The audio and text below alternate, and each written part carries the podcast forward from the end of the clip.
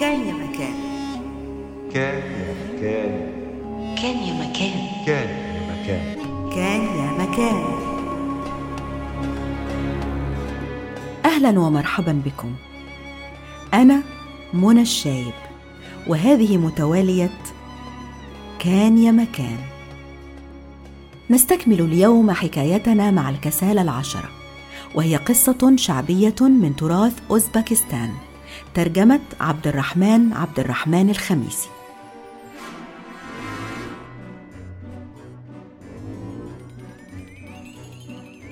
انتهينا في المرة الماضية عند خديعة النشيط للكسالى العشرة. بعدما أشعلوا النار في عرباته فأقنعهم بأن الناس في السوق يحتاجون رماد العربات ويبادلونه بالذهب. فراحوا يحرقون عرباتهم ليبيعوا رمادها لكنهم لم يلقوا إلا السخرية والضرب. ولذلك قرروا الانتقام من النشيط. فماذا سيفعلون يا ترى؟ بعدما انتصف الليل ذهب الكسالى إلى دار النشيط ليضربوه. لكن النشيط لم يكن موجودا في الدار. وبسبب الظلام اصطدم الكسالى بحمار النشيط في حوش الدار فانقضوا عليه بغيظ وأوسعوه ضربا بالأيدي والأرجل حتى مات الحمار المسكين. في الصباح عاد النشيط إلى داره فوجد الحمار ميتا حزن بشدة وحمله فوق إحدى عرباته وذهب به إلى الحقل. سار النشيط في الحقل متجها نحو جرن كبير حتى وصل إليه. أنزل الحمار الميت ووضعه وسط كومة من القمح وسنده كما لو كان واقفا يأكل منه واختبأ بجانبه في هدوء. كان مالك الجرن هو المرابي اليهودي المكروه من الجميع إيرل بيك الذي جلس بالقرب من الجرن يتناول فطوره. فرأى الحمار وسط القمح فانتفض واقفا يصرخ عليه ليبعده. هش! هش! ابتعد عن قمحي أيها الحمار المفجوع. ابتعد وإلا سأقتلك من الضرب. لكن الحمار بالطبع ظل في مكانه ولم يتحرك. جرى اليهودي نحوه وهو يحمل عصا في يده ونغزه بها في جنبه. وما أن لمست العصا جثة الحمار حتى وقع على الأرض. وظهر النشيط من خلفه متصنعا الدهشة والحزن وصار يصرخ مولولا. يا للمصيبه يا للمصيبة ما الذي فعلته يا إيريل بيك؟ لقد قتلت حماري الجميل القوي. قتلته أيها المتوحش. تراجع إيريل إلى الخلف مذعورا من المفاجأة. وقال مستعطفا أرجوك لا تصرخ هكذا بصوت عال واهدأ. فأنا لم أقتله. إنما حانت ساعة حمارك بالصدفة عندما اقتربت منه. فلا تصرخ حتى لا يسمعك أحد. لكن النشيط واصل صراخه وهتف. لا وألف لا فأنت سبب خسارتي. لقد قتلتني قتلت حماري. وسوف تكون نهايتك على يدي حتى انتقم له. وهجم النشيط بالعصا على إيرل ليضربه. لكن إيرل أوقفه قائلا انتظر انتظر سوف أدفع لك ما تريد عوضا عن حمارك. فقال له ذهبا والله سوف تدفع ذهبا. أخذ اليهودي يولول ويندب حظه. يا ليومي المنحوس يا لحظك العاثر يا إيرل لكنه في النهاية دفع للنشيط عشرة جنيهات ذهبية عدا ونقدا.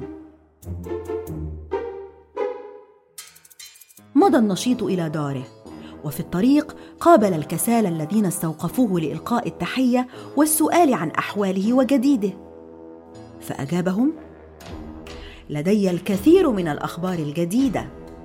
ففي الليلة الماضية مات حماري المسكين واليوم حملت جثته إلى السوق وبعتها بثمن مرتفع.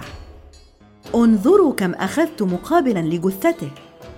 أخرج النشيط من جلبابه الجنيهات الذهبية وصار يلوح بها متفاخرا. جحظت عيون الكسالى وكادت تخرج من مكانها وهم ينظرون إلى الذهب. فمرر النشيط الجنيهات الذهبية من تحت أنوفهم ورحل إلى سبيله تاركا إياهم في ذهول. وقف الكسالى وهم يحترقون من الحسد. ثم ركضوا مسرعين إلى دارهم. جمعوا كل الحمير التي لديهم وقاموا بذبحها. وبعد ذلك حملوا جثثها وأسرعوا بها إلى السوق ليبيعوها. صار الكسالى ينادون المارة في السوق ليشتروا بضاعتهم. ويهتفون؟ من يرد جثث الحمير يقترب هنا؟ هيا اغتنموا الفرصة يا حضرات؟ تبادل جثث الحمير بالذهب. أسرعوا قبل فوات الأوان. التف الناس ورواد السوق وهم في حالة من الغضب حول الكسالى وصاروا يتندرون. ما هذه السفالات التي يقومون بها؟ من هؤلاء الحمقى الذين يتاجرون بجثث الحمير؟ وأمسك الخلق المجتمعون بالكسالى فضربوهم علقة أسخن من السابقة وطردوهم مع جثث الحمير من السوق شر طرد.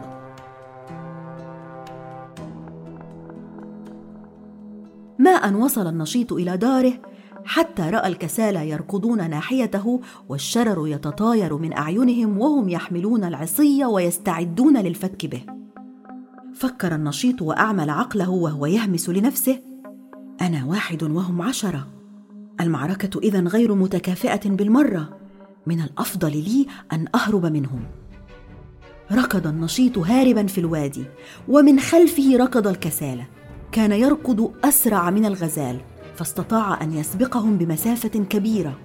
وأثناء جريه في الوادي رأى أمامه وجها لوجه اليهودي إيرل بيك. راكبا على حماره ويسوق أغنامه إلى المرعى فاستوقفه وهو يسأل مهلا أيها النشيط إلى أين تركض هكذا مسرعا؟